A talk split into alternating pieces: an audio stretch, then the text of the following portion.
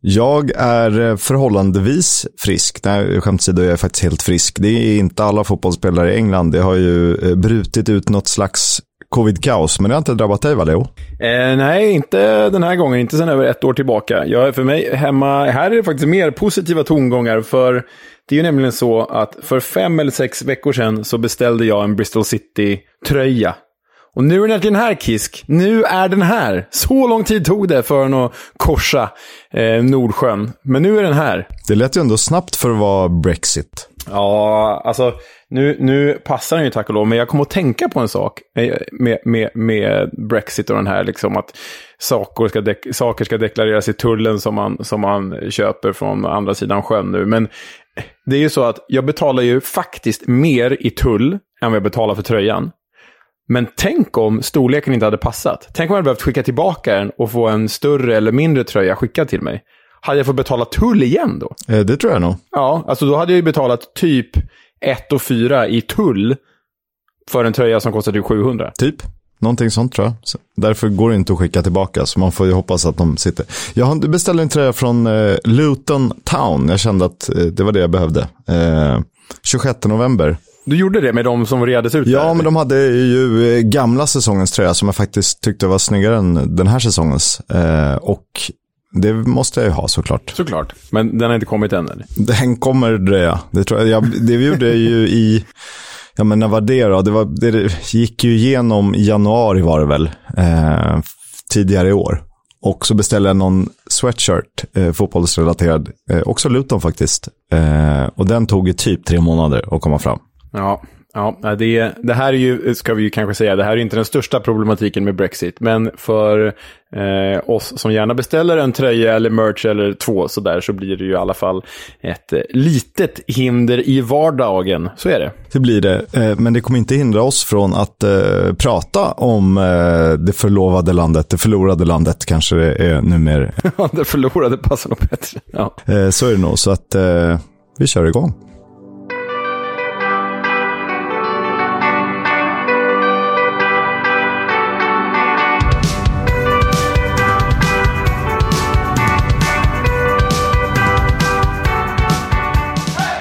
Jaha, eh, mycket att eh, prata om. En eh, frejdig omgång. Ganska många skrällar om man ser det med spelögon typ. Ja, det var ju verkligen så. Det var ju liksom många delar i toppen som tappade poäng och då väl framför, framförallt då kanske de, den där toppduon som vi följt ett tag nu och som inte riktigt är i form någon av dem. För både Bournemouth och Fulham gick ju miste om tre poängare ännu en gång den här helgen som var. Ja, med tanke på att det känns som att många av lagen nedanför har svajat lite och tappat poäng mot varandra, typ QPR och Stoke och Coventry för den delen. Det är väl egentligen bara Blackburn som har gått som tåget på sistone. Så hade ju både Fulham och Bournemouth kunnat göra enorma ryck i tabellen. Ja, men det, nu är vi här. Du vet, det är skiftet november, december. Spelarna börjar bli trötta. Roterar man inte rätt så kommer man förlora resultat oavsett om man har en miljardbudget som Fulham eller om man har liksom ett konkursbo som Derby. Så, så görs det inte på rätt sätt så kommer spelarna tröttna och då, då förloras det poäng. Så det, och det får vi vara glada för. Vi vill ju ha den, den liksom jämna, objektiva eh, toppstriden. Och det verkar vi få nu. Nu har det dragit ihop sig igen. Det är mycket spännande. Ja, eh, samtidigt vill man ju att tipsen ska sitta så att man inte känner sig eh, som en förlorare i slutet av säsongen. Vi ska ju redovisa våra, vår ligaguide lite eh, till inför julavsnittet kan vi ju säga. Ja, eh, det blir väl nästa vecka då, eller hur? Så är det ju. Stämmer. Tanken är ju att vi ska gå igenom det tips vi hade eftersom att vi är typ i halvvägs genom säsongen och liksom se hur rätt slash fel vi har haft. Så, så håll utkik efter det avsnittet. Det, det tror jag kan bli mycket kul att göra faktiskt. Och då hoppas jag att det blir kul att lyssna på också. Halvtidssummering alltså. Men eh, nu pratar vi om lördagen och eh, vi börjar med eh, Bournemouth mot Blackburn som eh, något oväntat slutade 0-2. Ja, alltså nu är ju då Bournemouth uppe på fem raka utan seger. Och de har bara en seger på de sju senaste. Ändå ligger de tvåa, så alltså det säger ju vilket försprång de hade innan det här började hända. Eh, de gick ju, du vet, där, de hade den där sviten i inledningen på säsongen med 15 raka utan förlust. Men eh, 2-0 blev det till Blackburn. Scott Parker var ytterst missnöjd, eh, såg jag i några artiklar efteråt. För han menade att första målet eh, föranleddes av en offside-situation. Men första målet slutade ju faktiskt i ett självmål av Ben Pearson. Efter att Ben Bertrand Diaz tvingats fram, tvingat fram det. Och därefter var det ju mittbacken Sean Paul van Hecke i Blackburn som gjorde sitt första mål i Rovers-tröjan. Men du, Kisk, Blackburn, deras form. Ja, och det, jag fattar ju ingenting för att eh, om man säger deras, fyra av deras bästa spelare, eh, det är bara två av dem som spelar. Eh, ben Bertrand Diaz och Reda Kadra. Eh, Bradley Dack är inte i matchform än. Han är ju tillbaka och springer och tränar, inte för fullt, eh, men nästan. Och Ian Poveda långtidsskadad. Och ändå radar de upp starka resultat efter varandra. Ja, alltså nu har de ju fyra raka segrar med målskillnaden 8-0. Och efter att de förlorade med 0-7 mot Fulham, de blev ju totalt slaktade där för några veckor sedan, så har de alltså sex raka matcher utan förlust, varav fem segrar och ett kryss. Det är alltså 16 av 18 möjliga poäng och med målskillnaden 12-2. De är liksom 6 poäng från tabellettan nu. 6 poäng!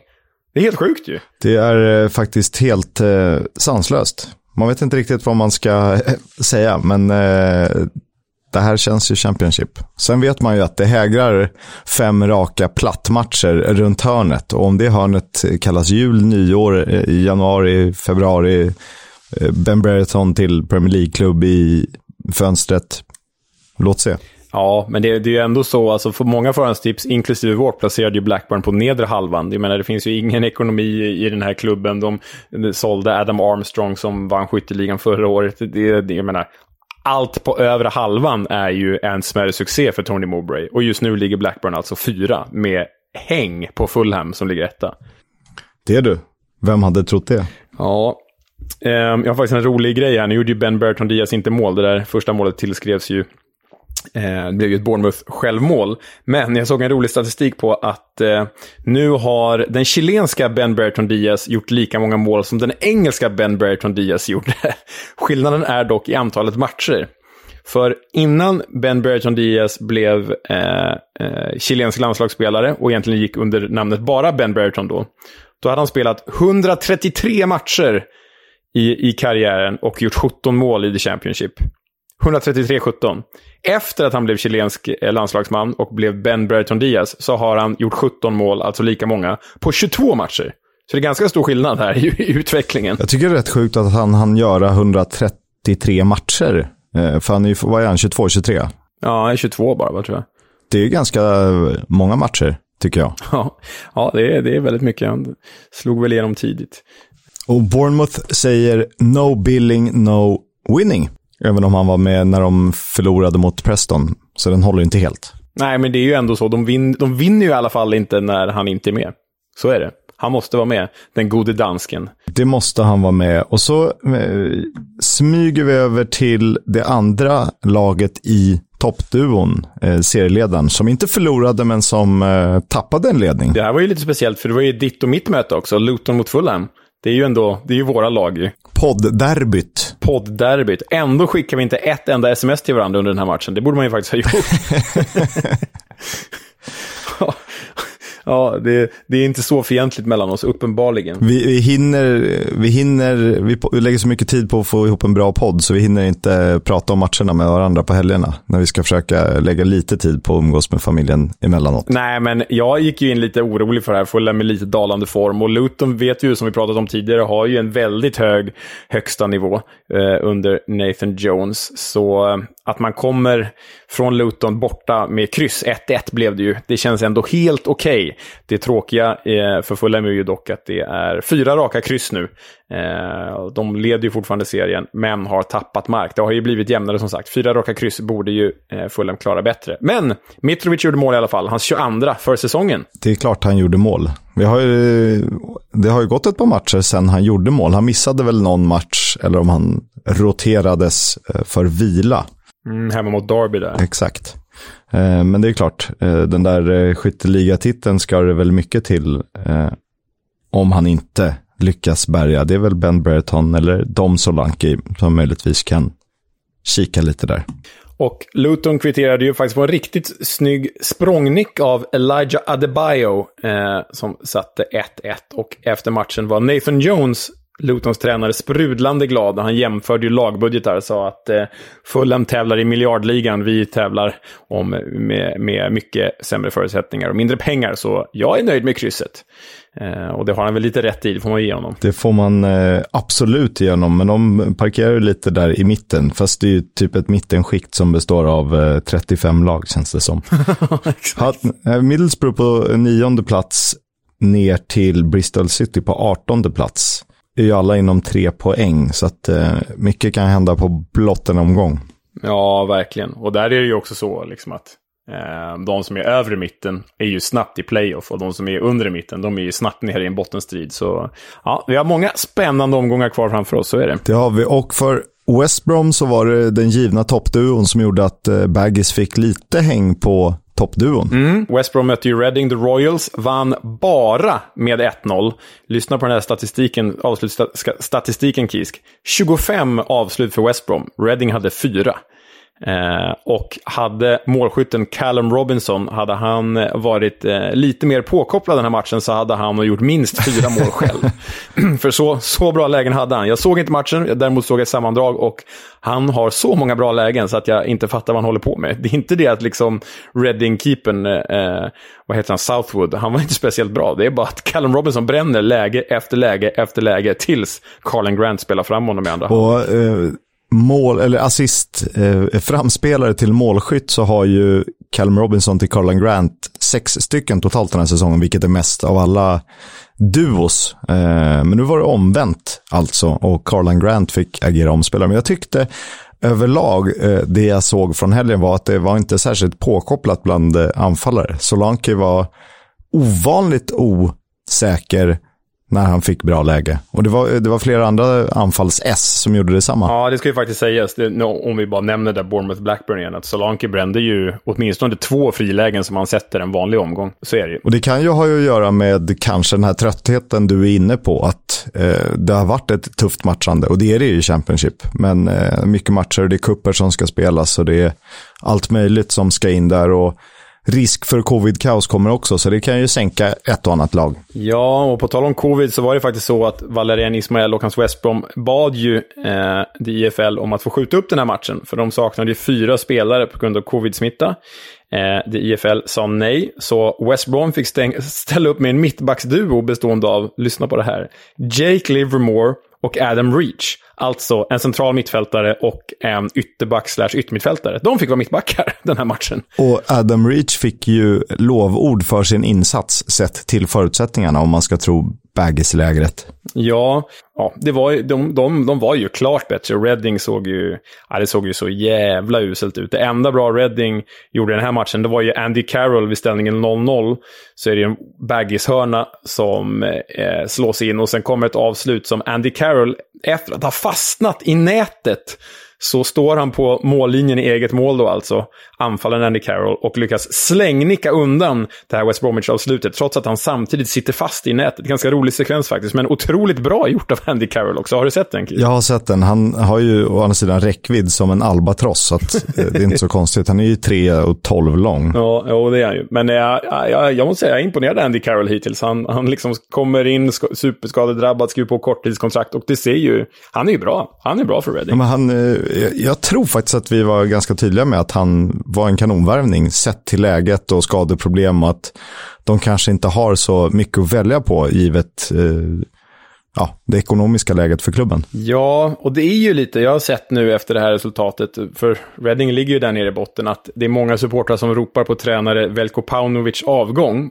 men eh, vad ska han göra? Alltså om det inte vore för minuspoängen som de har fått, de har fått poängavdrag, så är ju Reading ett mittenlag den här säsongen.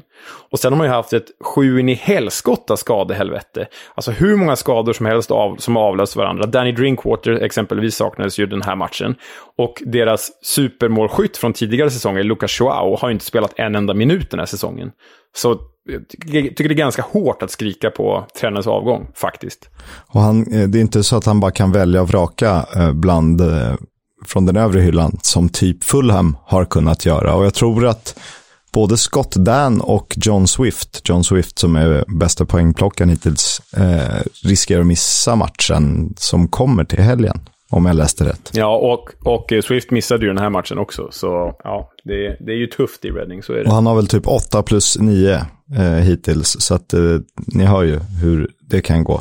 West Brom hakar på alltså. Ett lag som tappar mark, eh, de heter Coventry. De har en svensk anfallare som inledde säsongen på ett strålande vis och såg eh, glödet ut. Han blev uttagen i landslaget. Eh, sen dess har han inte gjort ett mål. Och nu senast var han faktiskt bänkad och fick inte ens hoppa in för Coventry när de dominerade borta mot Huddersfield. Ja, alltså Coventry känns ju, trots att de inte gör mål, så känns de ju i prestationerna som ett ganska stabilt gäng. Eh, och här var väl egentligen sett till liksom speldominans kanske deras bästa match på säsongen. 22 i 10, 22-10 i avslut och bollinnehav på 65-35, så Coventry gör ju en bra match. Men hamnar ju i underläge, vilket de har gjort i 13 av 22 matcher den här säsongen. Och då får man det ju ganska jobbigt om man sätter sig själv i den situationen så många gånger. Men du nämnde, eh, vi, eller du nämnde någon, vi har i alla fall eh, nämnt honom, tryckt på honom i sociala medier. Matt Godden eh, har ju blivit vår, lite av en favorit där efter att du hittade en härlig mustaschbild på honom. Men han kvitterade för Coventry i alla fall i 93 minuten, Kisk. Det är du. Eh, det behövs ju någon som gör mål. Han har sett eh, rätt bra ut eh, sedan eh, Gyökeres inte riktigt eh, haft någon särskild formtopp. Vi får väl se om han får spela så mycket mer. Det lär han ju absolut få göra. Han kanske bara vilas också och det finns en tanke med att få honom i form igen. Mm, vi vill ju både för Coventrys och för vår skull att Gyökeres kommer igång. Men det här med att göra sena mål. Det här var Coventrys sjätte mål efter att klockan slagit 90 den här säsongen. Det är de överlägset bäst med att göra sena mål. Och förra säsongen var QPR bäst i den här statistiken. Och de gjorde på 46 matcher Sex mål efter 90 minuten. Och den siffran är Coventry uppe i redan nu. Vad är det som händer? Ja, men det tyckte jag man såg tendenser till i början av säsongen. Ganska robust, stabilt lag, svårgenomträngligt. Eh, och de väntade lite på sina chanser när Gyökeres var i form. Och sen kunde man liksom mentalt trötta ut motståndare som kanske fick ha lite mer bollinnehav och sådär. Så smällde man in en sent i matchen. Nu har man inte Gyökeres, då har man mustaschguden Matt Godden. ja. Vi traskar vidare ner till Wales, där man kanske trodde att Swansea kunde ha en hyfsad chans mot Nottingham Forest. Det hade de absolut inte. Blev ju totalt manglade. Och är det nu jag ska börja ge upp Swansea, min lilla playoff-utmanare? Alltså, det är, ju, det är ju för lång tid kvar för att ge upp någonting nu, men, men kanske ändå att man får ge upp drömmen om playoff och se på Swansea som ett mer långsiktigt projekt. Att liksom, de ska sätta den här, komma tillbaka till sin identitet, spela efter, eh, spela efter sitt klassiska DNA och låta det ta en, två, kanske tre säsonger innan de har satt allt på plats. För det är ju trots allt en trupp som är brandskattad och en klubb utan några större pengar trots det väldigt fina i deras fotbollsideal. Eh, så är det absolut. Och eh, Filip Sinkernagel, en spelare som jag trodde skulle följa med Watford upp i Premier League och faktiskt kunna uträtta stordåd. Är väldigt, eh, väldigt stora ord, men ändå göra det bra ifrån sig. Gjorde matchens första mål. Eh, han spelar i Forest då. Och sen rann det på med ett härligt namn. Ja, alltså Louis Grabban gjorde ju mål, han satt i tvåan och så vår lilla favorit Brennan Johnson, egen produkt, talang i, i Forest, satt ju trean och sen kom han då, Cafu satte fyran, Kiss. Cafu har blivit någon slags eh, släpande, mitt, eller släpande anfallare, offensiv mittfältare i eh, Nottingham Forest. ja, det är inte den Cafu. Nej, om, så, om så vore. Men den stora rubriken här, förutom att eh, Forest Eh, spela otroligt bra. Det är ju, de är ju åtta raka utan förlust nu. Det var ett var tränare Steve Coopers återkomst till Swansea efter att han lämnade dem i somras. Han förde dem ju till två raka playoff dessförinnan. Eh, um, i England handlade ju rubrikerna väldigt mycket om den återkomsten, men Cooper själv spelade ju ner det helt och hållet. Jag har bara bytt arbetsgivare från en till en annan och nu tränar jag Nottingham Forest, så det är inget mer med det. Och efter att Forest då hade vunnit med 4-1 så sprang han ju ut till bortasupportrarna och firade så in i helvete.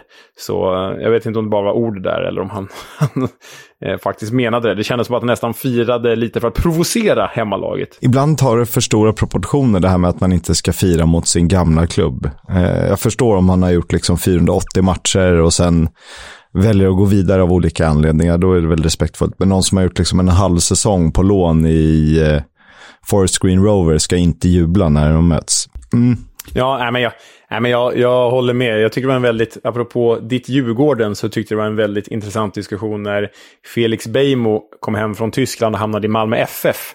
Han hade då, då var det väldigt många djurgårdare som blev upprörda och arga. Men Beijmo hade ju då, han hade typ gjort, jag tror det var 60 matcher för Djurgården. Det är ju liksom inte legendarstatus. Eh, I min mening i alla fall. Där förstår jag att man kanske inte hamnar i Djurgården igen eller kanske väljer annat alternativ. Eller väljer att fira, till exempel. Det är väl två faktorer som spelar in. Att eh, högerbacksplatsen redan var vigd åt Aslak von Witry.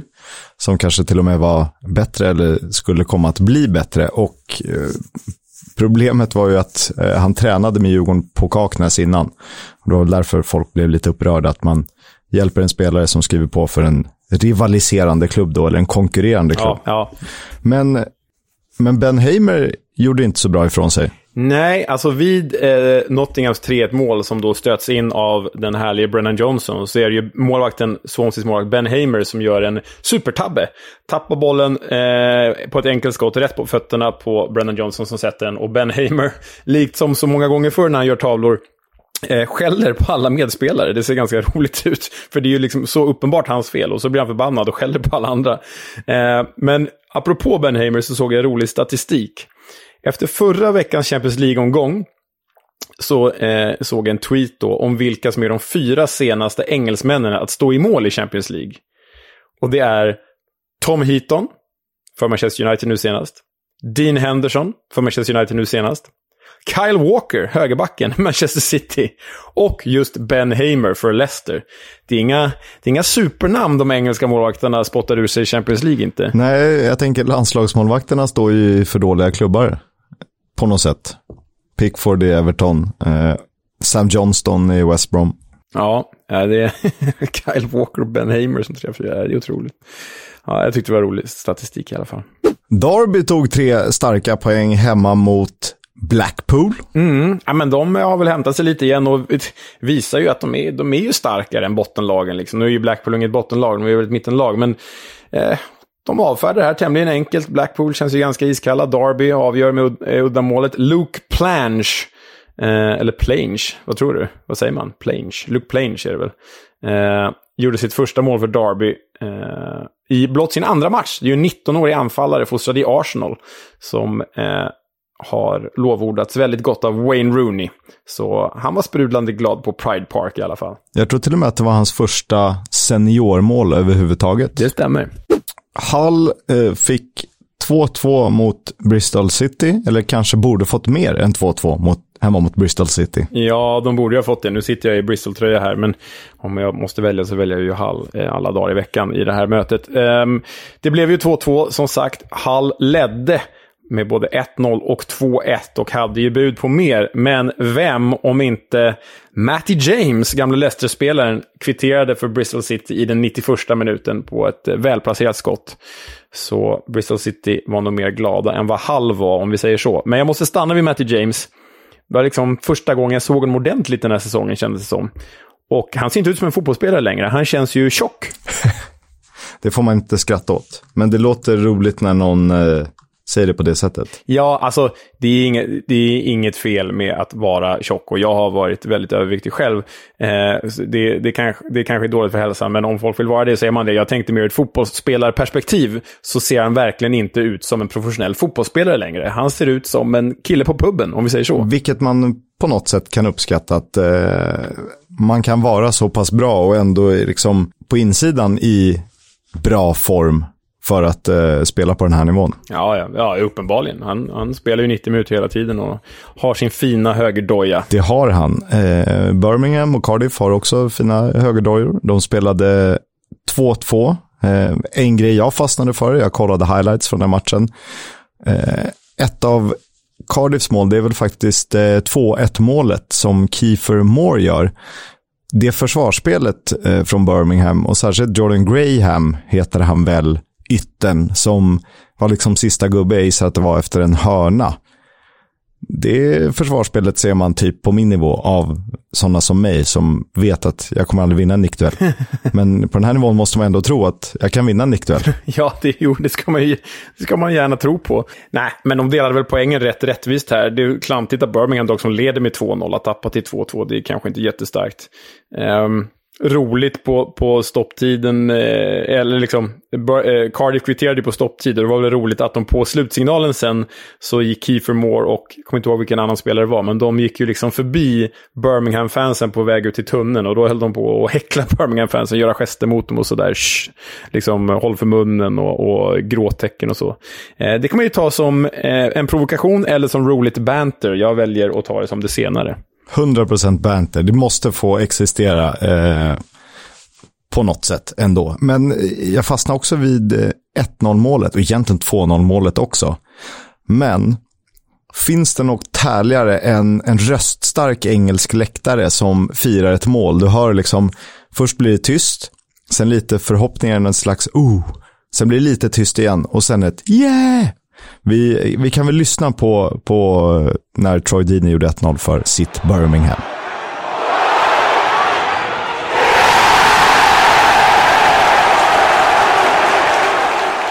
Ja, det där är ju fint och det där saknar man ju själv att, att uh, vara en del av. Så blir det ju extra fint att det är Troy Deeney som gör det för sin favoritklubb. Det är, bara, ja, det är, det är många lager där som man faktiskt gillar. Det är det. Jag trodde absolut att Millwall skulle kunna greja tre poäng borta mot Peterborough. Det gjorde de inte, trots ledning.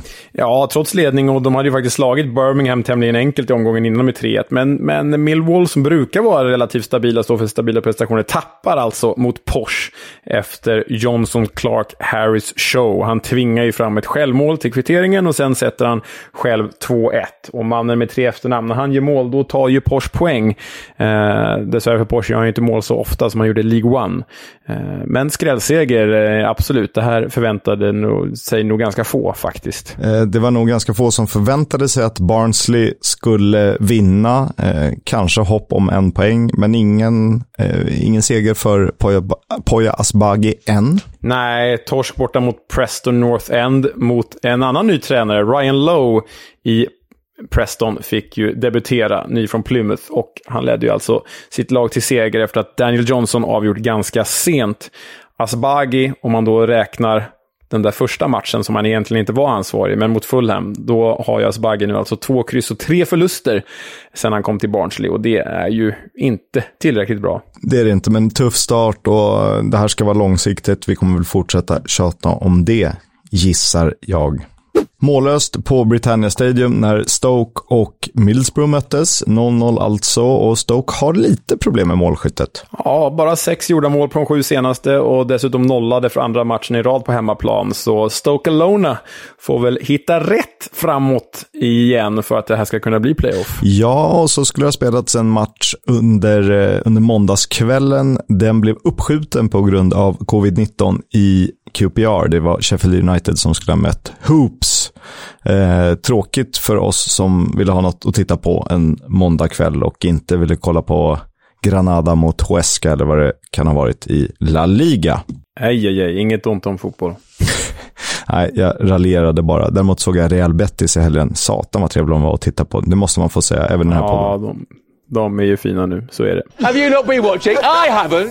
Ja, alltså en uppskjuten match senast, Sheffield United QPR, och möjligtvis fler att vänta. Eh, QPR Swansea på lördag är högst tveksam att spelas som planerats enligt de senaste rapporterna. Mm. En eh, desto roligare rapport är att eh, Neil Warnock nu nämns som favorit till att ta över Ipswich Town i League One. Och eh, det vore väl underbart. Det vore helt fantastiskt. Vi pratade om att eh, Chris Hewton var någon slags favorit till det jobbet för någon vecka sedan. Eh, nu är alltså den gode Nock. Och det, då får vi väl lova att vi gör Ipswich Town den veckan han tar över, eller första avsnittet efter att han har presenterats. Om det blir så. Det vore mysigt. Nottingham Forest är på jakt efter en anfallare. Mm, eh, flera rapporter eh, i England menar att Nottingham Forest söker komplement till Lewis Grabben, eller kanske till och med en direkt konkurrent till Lewis Grabben. Det är närmast till hands står Aston Villas Keenan Davis eller Arsenals Folarin Balogun. Eh, just den här Balogun drar ju till och med flera Premier League-klubbar i också. Så vi får se vilken eh, spelare som Koppel kan få med sig på topp i Forest. Men tråkiga nyheter med svenska ögon sett. Ja, eh, Joel Monbongo har ju kommit tillbaka och fått mer och mer speltid igen i Accrington Stanley, men det har tyvärr hjälpt föga för förra veckan var han med om en allvarlig skada på träning och nu väntas han missa resten av säsongen, tråkigt nog. Eh, därmed väntas hans lån eh, avslutas och han en återkomst tillbaka till Burnley för att rehabba där. Och det var ju faktiskt ytterst tråkigt. Jättetråkigt. Han var ju med i ett avsnitt för ett par månader sedan. Vill man backa bandet så kan man lyssna på eh, honom i det såklart.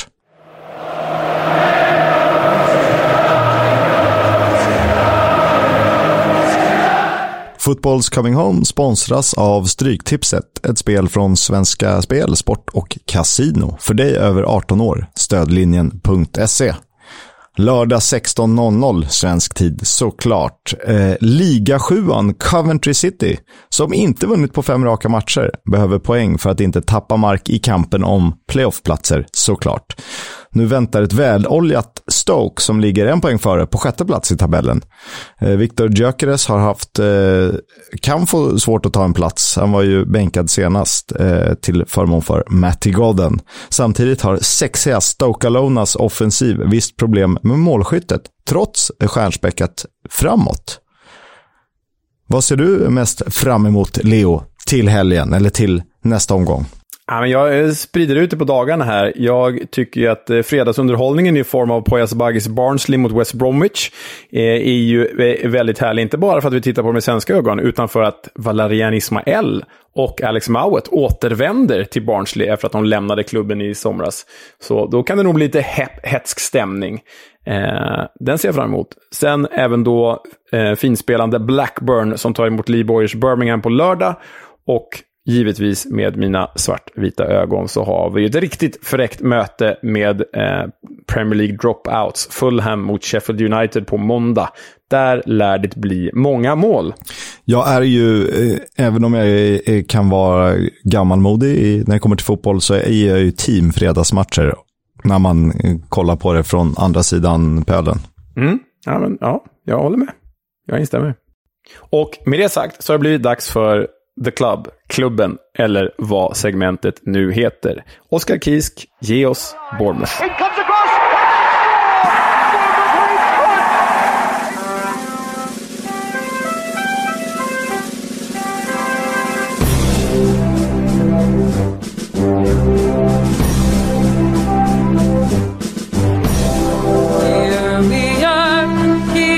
stay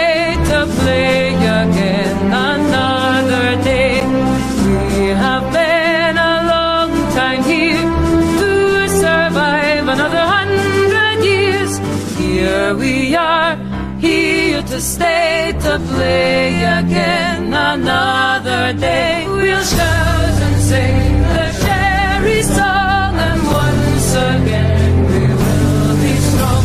We'll shout and sing the cherry song, and once again Ni hörde Jennifer Bachan sjunga We're here to stay som lanserades i något slags försök till ny hymn. Resultatet blev dock inte vad man hoppats på och det är lite oklart vilken sång man använder sig av i egenskap av Anthem. Det har väl varierat lite. Eddie's Army är en av låtarna som har figurerat, liksom Here Come the Cherries.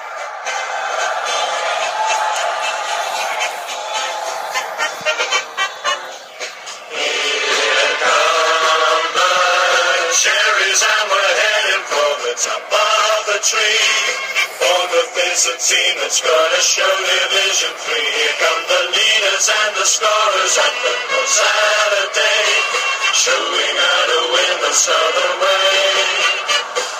Shout, shout, shout the project out. Let the people drive in us on this season weekend. Men nog om musiken. Eh, Bournemouth, beläget på Englands sydkust, mittemellan Weymouth i väster och Southampton i öster. Och med tanke på avståndet till Saints, Southampton alltså, ungefär 45 kilometer, blir de värsta rivalen med Portsmouth och Brighton på övriga pallplatser. Även om supportrar till Southampton historiskt sett förmodligen brytt sig väldigt lite om Bournemouth. Och vi måste ju få hit Alexander Axén så han kan prata Saints vs Pompey. För det, det är något alldeles extra. Ja, men eh, drömderby och drömgäst. Och ganska nära förestående. Vi har ju etablerat kontakt, om vi säger så. Vi säger så. Eh, byn Bournemouth grundades så sent som 1810 av Louis Tregonwell och besöktes dessförinnan mer eller mindre bara av fiskare och smugglare. Bournemouth marknadsfördes initialt som en kurort och via boken The Spas of England som kom ut på 1840-talet samt järnvägens intåg växte området naturligt och fick på 1870-talet town-status. Bournemouth eh, tillhör regionen sydvästra England och grevskapet Dorset. Eh, grundad officiellt 1899 som Boscombe Football Club. 1910 behövde man större yta och lyckades med hjälp av lokala affärsmännen, eh, lokala affärsmannen J.E. Cooper Dean få loss mark intill Kings Park till en egen spelplats då man rönt stora framgångar, om än bara i lokala serier.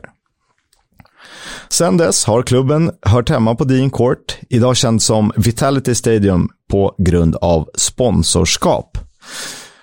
År 1920 utökades Football League med Third Division och 1923, samma år som man bytte från Boscombe till Bournemouth and Boscombe Athletic, klev man in i tredje divisionen och kom att spela i Englands antingen tredje eller fjärde division, till och med en bra bit in på 1980-talet.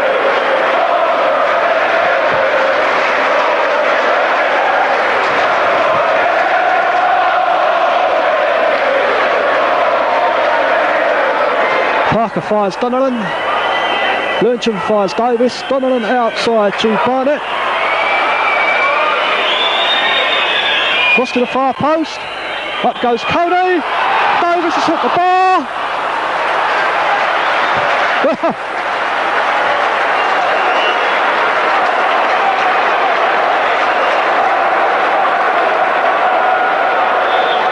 and the referee has blown his final whistle. And Bournemouth, I believe, have clinched the third division championship. Liten fråga här då till, till dig Leo. Vem var det som tog upp Bournemouth till andra divisionen för första gången i egenskap av manager? Eh, eh, jo, när jag tänker efter så är det väl Harry Redknapp. Ja, men det är klart det är Harry Redknapp. Vem annars? Den store. Jag trodde du skickade ut mig på en riktig helvetesfråga, men så, så kom jag på att det var den karln. Kul. Nej, hade, hade det varit någon gammal Sir John Smith som eh, bara folk i Bournemouth brytt sig om så hade jag aldrig ställt frågan. Förstår. Första titeln kom eh, efter andra världskriget när klubben vann Third Division South Cup efter finalseger mot Chelsea.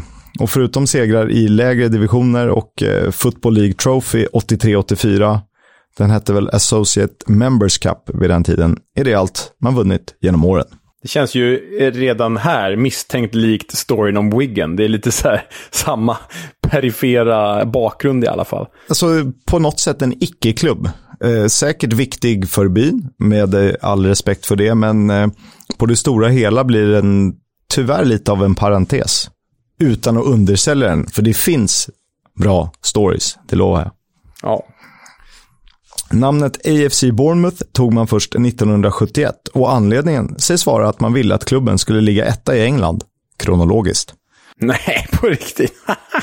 Otroligt bra. Det är ett sånt namnval stöttar jag. Samma år spelade man för första gången i rödsvartrandigt med inspiration från, nej, inte Brommapojkarna, utan AC Milan. Tidigare hade ställen varit rödvitrandiga eller körsbärsröda, därav smeknamnet The Cherries.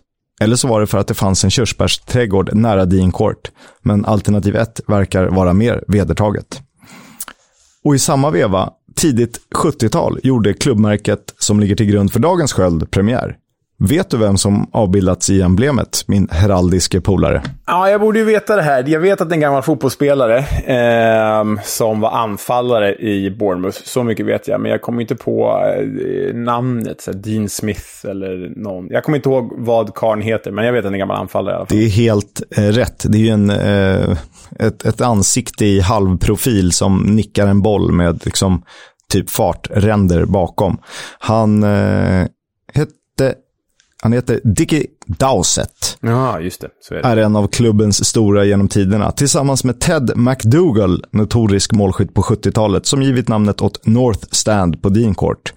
Och eh, svarat för en av engelsk fotbolls mest klassiska flygande nickar. På tal om språngnickar. McDougall. Strike down the right. Boyer on the other post. McDougall. What a classic Eh, och eh, så att jag inte glömmer någon viktig person här, Steve Fletcher, som har eh, givit namn åt South Stand på arenan. Han är rekordhållare med över 600 framträdanden för Cherries. Och eh, det är möjligt att jag får motstånd eh, från någon här, men min känsla är att Bournemouth av olika anledningar inte alls har i närheten av samma kultur kring fotbollen som grannstäderna Southampton och Portsmouth. Eller har lika stor kultur kring fotbollen. Det finns ju många som går och det har ja, varit olika subkulturer på läktarna, men inte på samma sätt. Och jag undrar om inte det beror på att eh, städerna, deras historia och inriktning, där kanske Southampton och Pompey varit, haft en mer en större arbetarklassprofil, eh, så har Bournemouth, liksom Brighton, eh, som ligger en bit bort i öster, varit mer av semesterparadis och eh, tillhåll för typ författare, artister och kulturarbetare. Det där är ju en väldigt intressant eh, eh, tes och eh, jag, jag eh, kan ju absolut inte svara för om den stämmer eller inte. Men, men jag tycker att det låter som en ganska rimlig förklaring ändå. För det är ju oftast, alltså, framförallt i England, de arbetarstäderna som har grott den här liksom, fotbollskulturen medan de mer akademiska städerna inte alls har, har det lika starkt ställt fotbollsmässigt i alla fall. Nej, men för många var det väl liksom enda som fanns att göra medan andra studerade eller arbetade med företag på kvällar och helger. Och dessutom har ju Saints och Pompey, som vi var inne lite på, en, en annan rivalitet. Och en rivalitet bygger ju klubbar eh, någonstans. Hatet eh, mot varandra får ju kärleken för ens egna klubb att växa. Även om eh, den kan ta uttryck i, i vissa former som inte är nödvändigtvis alltid positiva. Som sagt då, Bournemouths första avancemang till andra divisionen kommer först på 1980-talet, då under ledning av Harry Redknapp. Men mycket mer än så händer inte resultatmässigt på över 20 år.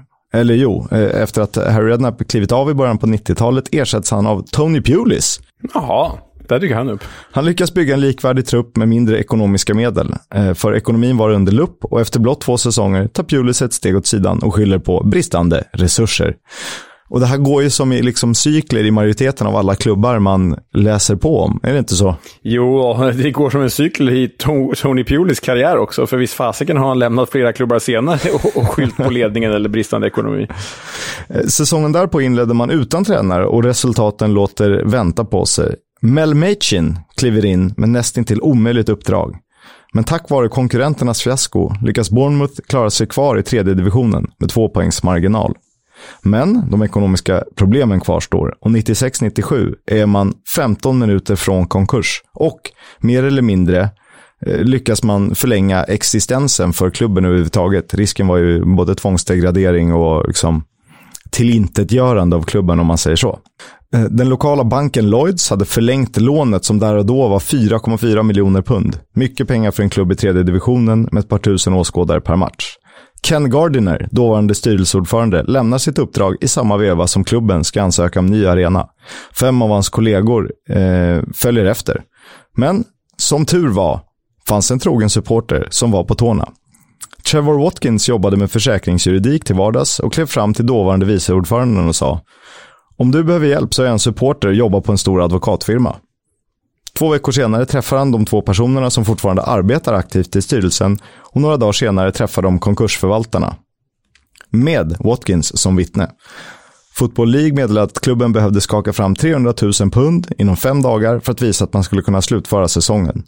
Och genom någon form av kollekt, alltså bössor där privatpersoner kunde lägga bidrag, fick man ihop 35 000 pund, vilket räckte för att EFL skulle backa. Pengarna gömdes i bakluckan på en bil som vaktades av volontärer till supportrar för att totalt samlades in 140 000 pund genom supportrar och eh, Watkins var med och grundade brittisk fotbolls första supporters trust som tog kontroll över klubben med 51 procent av rösterna. Han var eh, därefter en kort period ordförande innan han la fokus på sportjuridik. Historien upprepar sig själv, heter det, och Bournemouth är absolut inget undantag. Säsongen 2007-2008 spelar man League One och drabbas av 10 minuspoäng då man är under konkursförvaltning för skulder upp till 4 miljoner pund. Men Kevin Bonds trupp saknar inte profiler. Asmir Begovic på lån från Pompey, precis som Mark Wilson. Båda kommer ju att representera Cherries senare. Även Adam Lallana lånas in på korttidskontrakt. Dessutom får man in Max Gradell till en trupp som redan innehåller Jo Tessem, Brett Pittman, Sam Vokes och Darren Anderton. Vilket jävla gäng! Det känns riktigt trevligt, riktigt så här finspelande och FM-mysigt. Wow! Otroligt FM-mysigt. Så här, nu ska jag göra något av något cool. Åh, Bournemouth, det ligger fint. Så jag tar in lite sköna lirare på korttidskontrakt. Ja, verkligen alltså. Och vet man vad de här spelarna eh, har för klubbadresser, eh, Begovic, Wilson från Pompey, Lalana eh, in från Southampton, då förstår man att Bournemouth kanske har varit mer av en farmarklubb, eller liksom, ja, en bra möjlighet till speltid för spelare. För de kommer ju trots allt från deras påstådda rivaler då. Ja, ja, verkligen. Och, och Vokes väl med bakgrund i Plymouth också, har jag för mig. Som måste väl också vara någon slags rival. Riktig gammal kustseglare. Ja. Men trots den profilstarka truppen lyckades Bournemouth inte bemästra poängavdraget och med två poängs marginal upp till Crew blev man nedflyttade till League 2. Och mörkret fortsatte. Tonight, Belvers brought us the breaking news in sport that AFC Bournemouth had lost their fight to avoid going into administration. Belvers, you've been to Dean Court today, of course. What's the latest? Bournemouth at bottom of League One again tonight, Fred. The club has debts of more than £4 million and is up for sale. But it's not all doom and gloom. There's a positive and optimistic air tonight as former Leeds chairman Gerald Krasner takes control. He's the administrator and believes he can and will find a buyer or buyers who will leave the club debt free and with a bright future. Initially, he has eight weeks, but only because under fire chairman Jeff Mostyn invested another six figure sum of his own money this morning. Efter nya problem med förvaltningen och tveksamheter kring ägarskapet hotade Football League med att stoppa Cherries från att spela säsongen. Men var schyssta och tillät dem spela med 17 poängs avdrag och krav på en tydlig plan för att genomföra säsongen utan problem. Tidigt på säsongen sparkades Kevin Bond och ersattes av Jimmy Quinn. Han blev dock inte särskilt långvarig och rollen togs av en viss Eddie Howe. Blott 31 år ung eh, där och då och fram tills nu, så vitt jag vet, är han väl Football Leagues yngsta manager, va? Mm, det, det var det jag har hört också i alla fall. Han hade ju då relativt nyligen slutat spela på grund av skada och varit assisterande i klubben till eh, tidigare nämnda tränare. I samma veva misslyckades lokala affärsmannen Adam Murray med att köpa 50% av aktierna, trots att man tidigare gått ut med det i ett meddelande. Och det var ju faktiskt Murray som anställde Howe och tur var väl det. Trots minuspoängen lyckades Bournemouth i sista hemmamatchen säkra platsen i Football League med 10 minuter kvar. In contrast to the disappointment at St Mary's, jubilation at Bournemouth, who completed a great escape. Having started the season with a 17 points deduction, the Cherries were nine points adrift when Eddie Howe took charge at New Year. But victory in their final home game ensured safety in League Two.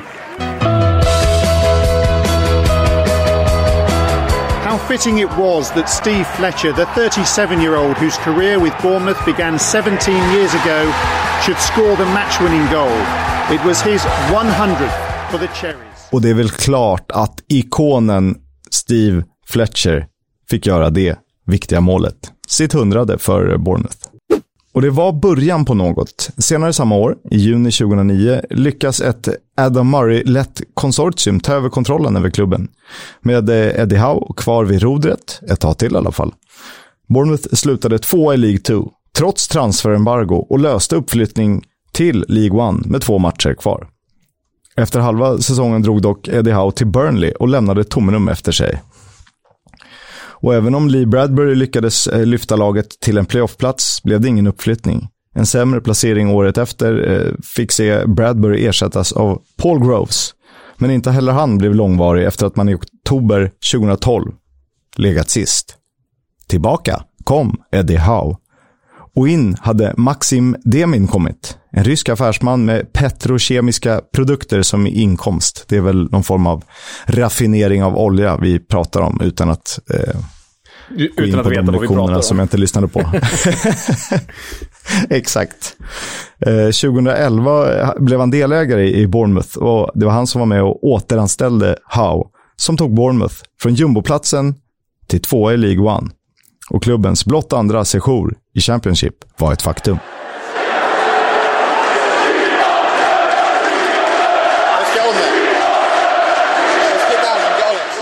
Säsongen 2013-14 var lite av en mellansäsong, men givetvis var tiondeplatsen, klubbens dittills högsta placering i ligasystemet, en milstolpe. Men blek i jämförelse med efterföljande säsong. Förmodligen den viktigaste i klubbens historia. Bournemouth hade med Eddie Howe som stor organisatör tagit sig från nedflyttningsstrid i League 2 till toppen av The Championship. Och högre än så, på blott sju år. Det var sista omgången och samtidigt som Watford spelade 1-1 mot Sheffield Wednesday i sista omgången vann Bournemouth mot Charlton med 3-0 och säkrade inte bara uppflyttning. Man vann The Championship. 92 years after the joining the Football League, the Cherries will head into the Premier League and become the latest of the 92 clubs to enjoy the elite league in world football and take all the glory and money that goes with it and complete the turnaround from the dark days that they've had more than once at this club. From the minus 17, from the bucket collections, from everything else that's gone on. Remember the money even raised to bring Eddie Howe to the, back to the club as a player, Willow. All Well, sorts it's been have gone on. absolute amazing challenge for everybody concerned. That is it. Neil Swarbrick brings the game to an end. Och Bournemouth gjorde ju även avtryck i Premier League. Ett härligt gäng som gav dem fem starka säsonger innan man förra året åkte ur finrummet. Ja, men det är intressant att höra den här resan och höra bakgrunden till Bournemouth. Och jag vet inte, du har varit inne lite på det, jag vet inte om våra lyssnare skriver under på det eller inte, men Bournemouth för mig var ju verkligen en blind spot när de gick upp i Premier League. Och så går de upp, de är bra, det är en bra nykomling, de spelar rolig underhållande fotboll. Det var ju liksom inte ett Burnley, om, om Burnley ursäktar, utan det var ju liksom en rolig eh, nykomling. Och ändå lyckades jag aldrig känna någonting för Bournemouth överhuvudtaget. Det kändes, trots att de hade Eddie Howe, trots att de spelade rolig fotboll. Och byggde laget kring många egna produkter och liksom lokala grabbar. Ja, men det är ju sympatiskt liksom. Det är ju verkligen sympatiskt. Men det kändes så jäkla anonymt. Så här, Ryan Fraser, Junior Stanislas. Ja, sen värvade de ju Defoe där efter ett tag och så. Men det, det, men det satte sig aldrig för mig. Det var så här... Ja, nej, och jag fortfarande, jag känner verkligen ingenting för Bournemouth. Det är inte det att jag tycker illa om dem, jag bara... I nothing them. Är jag ensam om den här känslan, eller, eller förstår du vad jag menar? Jag förstår exakt vad du menar och jag delar den nog till 100%. Det handlar väl om historia och det behöver inte betyda att man har vunnit. Utan historia kan ju vara att du har spelat tre finaler och förlorat alla. Just det, det bygger ju någon slags DNA, eh, eller Swansea på sättet de tog sig upp. Eh, och Eddie Howe, hatten av. Jag tycker fortfarande att det verkar vara en väldigt sympatisk tränare och en, en klok fotbollsman.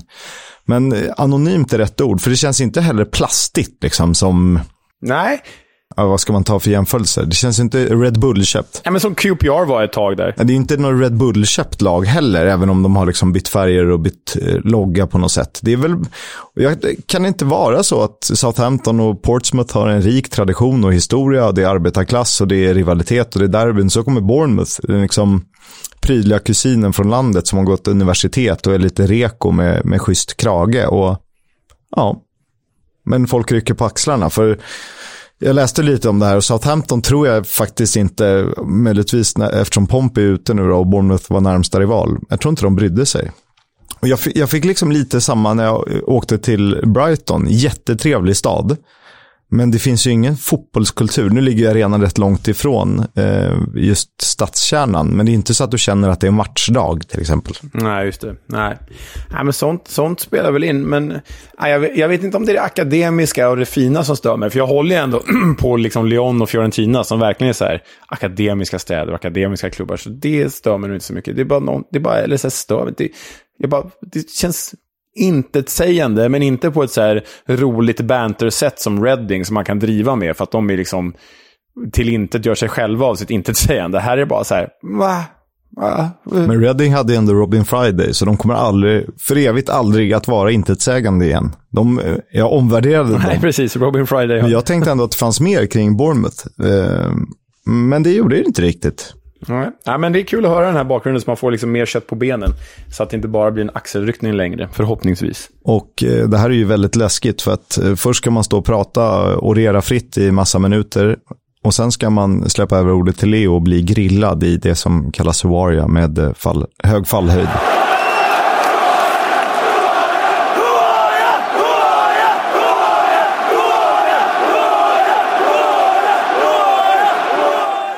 Jag ska förklara reglerna. Det är ju alltså någon form av På spåret, eller På spelarbussen heter det väl, eh, variant vi har gjort med Championship-profiler eller Championship-kopplade engelska profiler. Och det är, det är inte någon assisterande tränares kusins hunds eh, dagis eh, matte som vi söker, utan det är ju stora namn.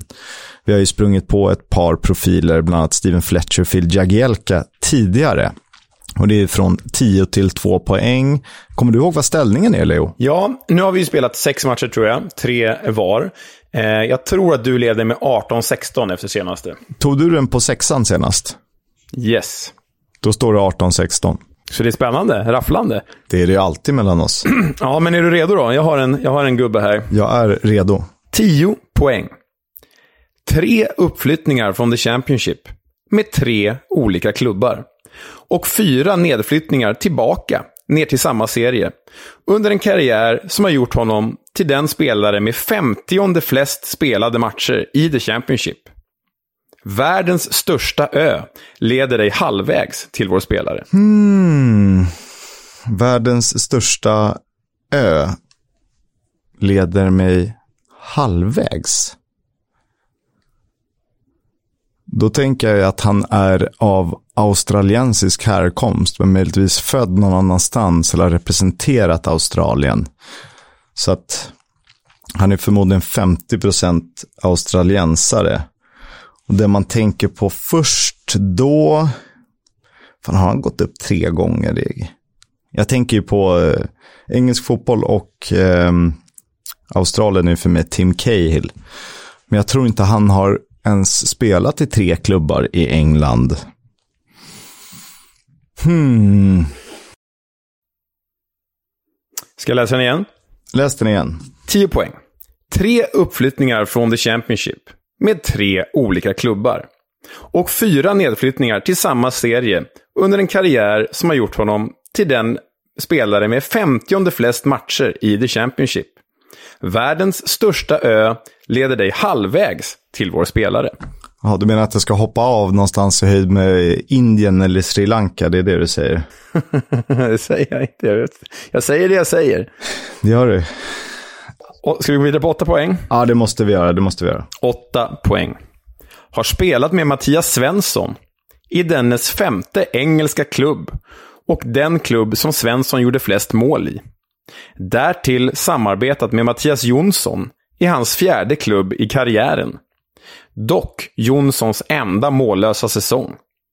Och på tal om Mattias Jonsson, ger dig en dansk autonomi spelarens halva namn igen. Mm. Mm. Dansk autonomi, då tänker jag ju Grönland på något sätt.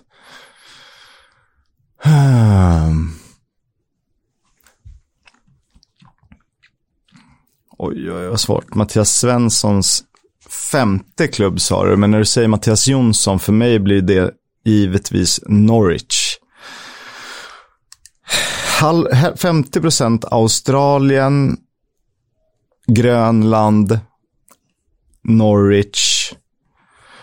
Kan du, har du lust att läsa den igen? Jajamän. Ehm, åtta poäng. Har spelat med Mattias Svensson i Svenssons femte engelska klubb och den klubb som Svensson gjorde flest mål i. Därtill samarbetat med Mattias Jonsson i hans fjärde klubb i karriären. Dock Jonssons enda mållösa säsong. Och på tal om Mattias Jonsson så ger dig en dansk autonomi spelarens halva namn.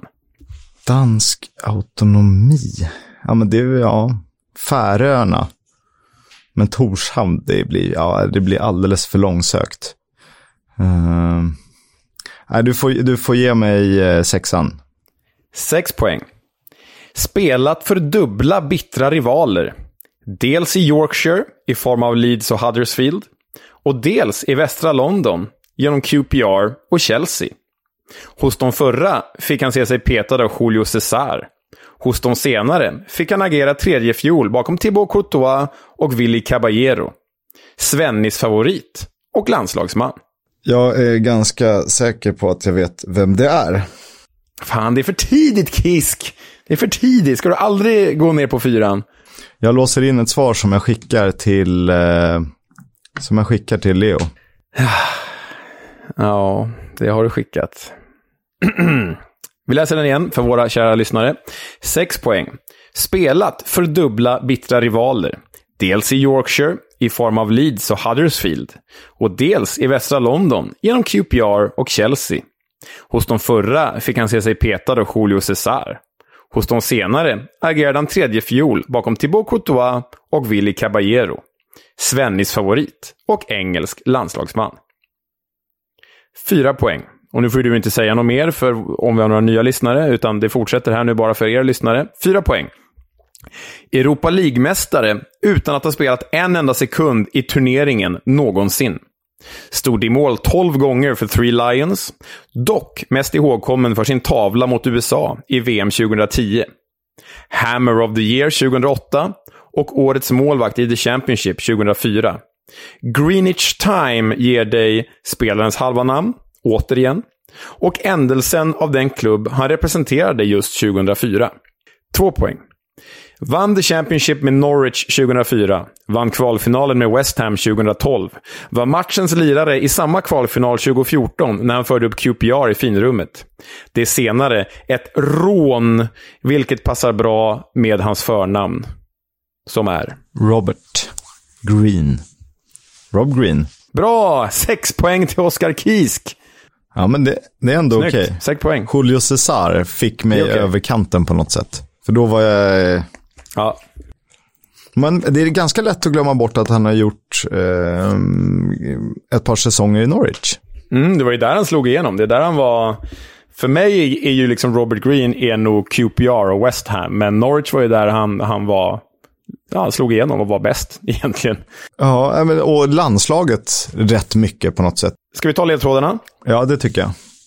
10 poäng, tre uppflyttningar från The Championship med tre olika klubbar. Han gick upp med Norwich, de blev mästare. Sen kvalade han upp med, med eh, West Ham och med QPR. Fyra nedflyttningar, åkte ur med Norwich, åkte ur med West Ham, åkte ur två gånger med QPR. Um, spelat 50 flest matcher i Championship har han gjort. Världens största ö, det här var ju verkligen en luring som du föll i.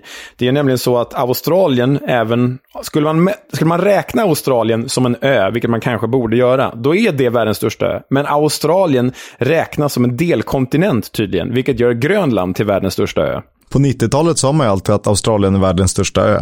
Ja, det kanske man gjorde. Men, eh, men nu enligt, om man bara googlar så världens största ö så hittar man, eller World's Biggest Island, så är det Grönland som dyker upp. Och så förklarar de varför Australien inte är en ö. Men det var menat att du skulle tänka på Australien där som en luring, så det var ju bra. Det ska jag komma ihåg till nästa vecka.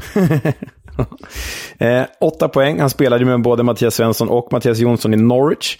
Eh, och sen då nämnde jag en dansk autonomi där. Och det var ju starkt av dig att kunna Grönland. Det är inte alla som vet att det är en dan ett danskt självstyre. Ja, det vet man väl? Eller? Ja, jag tror inte alla vet det. Det hoppas jag eh, att ni vet. Ja. Spelat för dubbla bittra rivaler och där var det ju då, det nämnde jag ju, Leeds, Huddersfield och QPR och Chelsea. Och West Ham också. Mm, och West Ham också, precis. Svennis favorit, engelsk landslagsman, inget konstigt. Europa League-mästare blev han ju med Chelsea, trots att han aldrig i karriären gjorde en enda sekund i turneringen. Det är ju lite roligt faktiskt. Mäktigt ändå. Fick han någon medalj? tror att de har så medaljer i, i, jag gjorde ju den finalen, att han, jo, eh, de får liksom, eh, de behöver inte spela som i ligaspel, tio matcher eller sådär, utan man, är man med i truppen så är men man registrerad spelare så får man medalj liksom. Drömjobb. Ja, verkligen. Ehm, man minns ju honom från landslaget, framförallt blunder mot USA i VM 10. Det var väl det som sabbade hans landslagskarriär där. Ehm, Greenwich Time ger dig spelarens halva namn och ändelsen. Det är ju Green för Robert Green och Itch, Rich för Norwich. Ehm, och sen då hans meriter där, vilka klubbar han vann med och gick upp med. Och rån för Rob, Rob, ja, Robbery. Ja, det var, Ja, den får du eh, halvpoäng för. Tack. Eh, men 6 poäng till dig, det betyder att du går upp till 24. 24, 16 alltså. Den, eh, den tar vi med oss. Eh, Kul spelare. Det är den typen vi vill ha. Verkligen. We'll have a chat about the fucking game. About your game, last few months, last few weeks. Fucking character. Fuck! Som ni hörde i tidigare i programmet så kan Neil Warnock vara på väg till Ipswich Town, vilket vi har tyckt var väldigt roligt och vi väntar med spänning på om det kan bli klart så vi kan få prata mer Ipswich såklart. Eh, till dess så eh, medverkade Neil Warnock i Talksport, det här eh, radioprogrammet kopplat till engelsk fotboll bland annat. Eh, och berättar en historia om när han bjuder ut till grabbarna i laget på bowling och utmanar dem. Bowling, bowling heter det på svenska. Och han utmanar dem. Eh, alla får lägga typ 20 pund var. Eh, det enda de inte visste var att Neil Warnock hade jobbat i en bowlinghall. what I did is we went to Scarborough pre-season and we and there's a bowling alley and uh, I said to the lads, right, look, we've got a bowling alley uh, tonight, lads. Twenty quid in each, like you know, something like that, and about twelve of us. But uh, I'd already got me my own bowl and me me me, me uh, shoes and everything, and I were ready for him. And I think I'd, I bowled something like 225 Ali. I think the nearest nearest me was about 160, the lads. So I cleaned up and what have you. But there were no rules against it, Ali. And, you know, I just said, let's have a little bet, lads. Out came the glove alley, the multicoloured Oh, I shoes. love it. And my black ball as well, by the way. Kingpin. What, what was that movie? Was it Kingpin? Woody Harrelson. You must remember that when he took all the cash. He was calling them home one. Brilliant. Hey, listen, I used to work in a bowling alley, Ali, for about 18 months. I used to do the lanes in the, in the, after they'd all gone home at night time, and, and that's where I learnt how to bowl. It was, you know, a good learning experience for me. Ja, den är ju otrolig. Jag, jag har sett den förut, men den, den, den är, det känns ju så jäkla Neil Warnock att bara inte säga att han har jobbat på, på en bowlinghall och var svinbra på det. Det, det, ja, eh, det känns som att det kan eh, vara typiskt honom att jävlas och luras med folk sådär. Lite practical joke så att säga. Och eh, den här gången kommer jag ihåg. Innan vi avslutar så ska vi ge Leo en klubb att eh, prata mer om i nästa vecka. Och jag väljer mellan två slamkrypare. Eh, men eftersom Leo är djupt förälskad i att samla på fotbollströjor och gillar klubbmärken så har ju Blackpool släppt en eh, ganska läcker 3D-tröja. Den är svart och så är det det gamla emblemet som är på sitt sätt rätt häftigt eh, i orange då. Eh, och som den här ska ju vittna om stadens eller klubbens historia. Så att eh, du får gärna ge oss eh, den gamla semesterorten Blackpool. Från en semesterort till en annan. Och den, den där kan jag avslöja det där klubbmärket föreställer ju Blackpool Tower. Som väl liksom inte bara är en fallossymbol, vilket det ser ut som på märket, utan också ett minne om vad Blackpool en gång var. Så det ska bli kul att prata om. Exakt. Heraldiken får tala fritt. Vi eh, tackar för oss. Vi tackar Stry- Stryktipset som är med och sponsrar den här podden. Gör det möjligt för oss att prata om Championship och eh, de andra härliga ligorna, League 1 och League 2. Tack Leo för eh, bra snack. Ja, tack själv. Vi hörs. Upptäckta